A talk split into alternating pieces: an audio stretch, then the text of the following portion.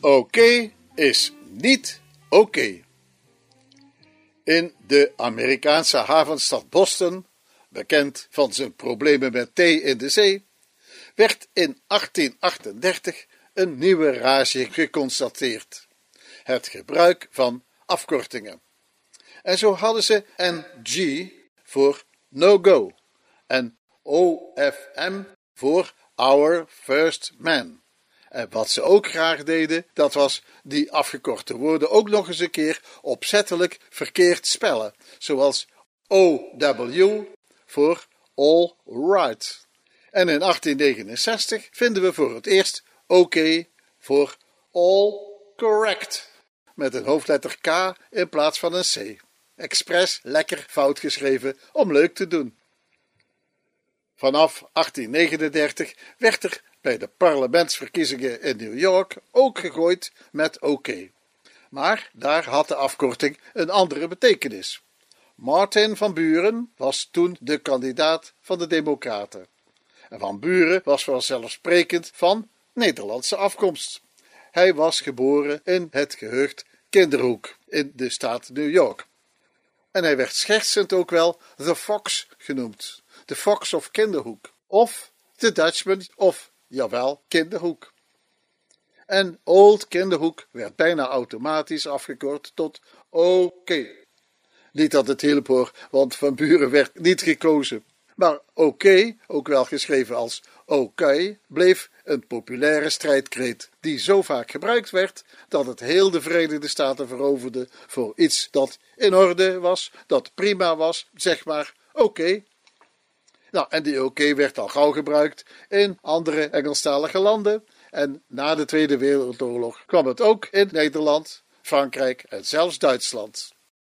Die grappige Amerikaanse afkorting werd overal onmiddellijk populair tot op de dag van vandaag. Iemand heeft uitgerekend dat de afkorting OK per minuut internationaal miljoenen keren wordt gebruikt. Ja, en dat kan nog eens waar zijn ook. Wel, Woorden die afgeleid zijn van aardrijkskundige namen noemen wij geoniemen. En als je meer wil weten over deze aparte woorden, dan kun je heel interessante informatie vinden in het Geoniemen woordenboek van Ewout Sanders. En dat is echt de moeite meer dan waard. In het Nederlands hebben wij ook nog de uitdrukking okidoki. Nou, Van Dalen, Van Dalen vindt het kennelijk geen Nederlands woord en zwijgt in alle talen. En het etymologisch woordenboek geeft okidoki, maar dat is er bepaald kort over. In orde. ja, daar moeten we het dan maar mee doen, hè. In het Nederlands kun je de afkorting OK op meerdere manieren spellen. Bijvoorbeeld kleine letters zonder punten. OK. Twee hoofdletters zonder punten. Ok. Twee hoofdletters met punten. OK. Twee kleine letters met punten. O en K.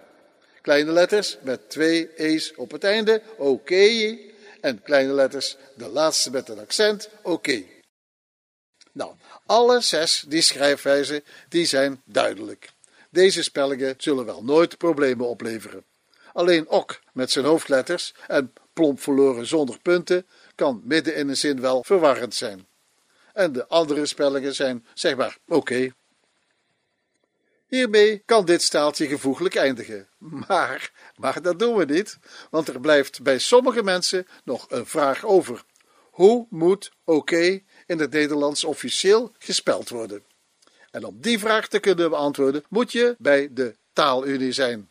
Die stuurt je dan door naar de taaladviesdienst en die geeft, naar eigen zeggen, het antwoord op al uw vragen over taal. Maar wat legt de Taalunie via hun Nederlandse taaladviesdienst ons dan op bij oké? Nou, alleen de hoofdletters ok zonder puntjes en oké met een accent worden geaccepteerd. Van de zes mogelijkheden worden er dus maar twee spellingen officieel geoorloofd.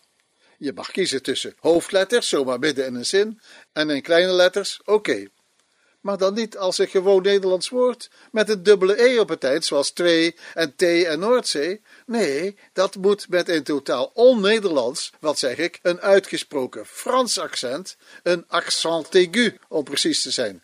Dat in onze schrijfwijze voornamelijk gebruikt wordt bij woorden die wij regelrecht uit het Frans hebben overgenomen.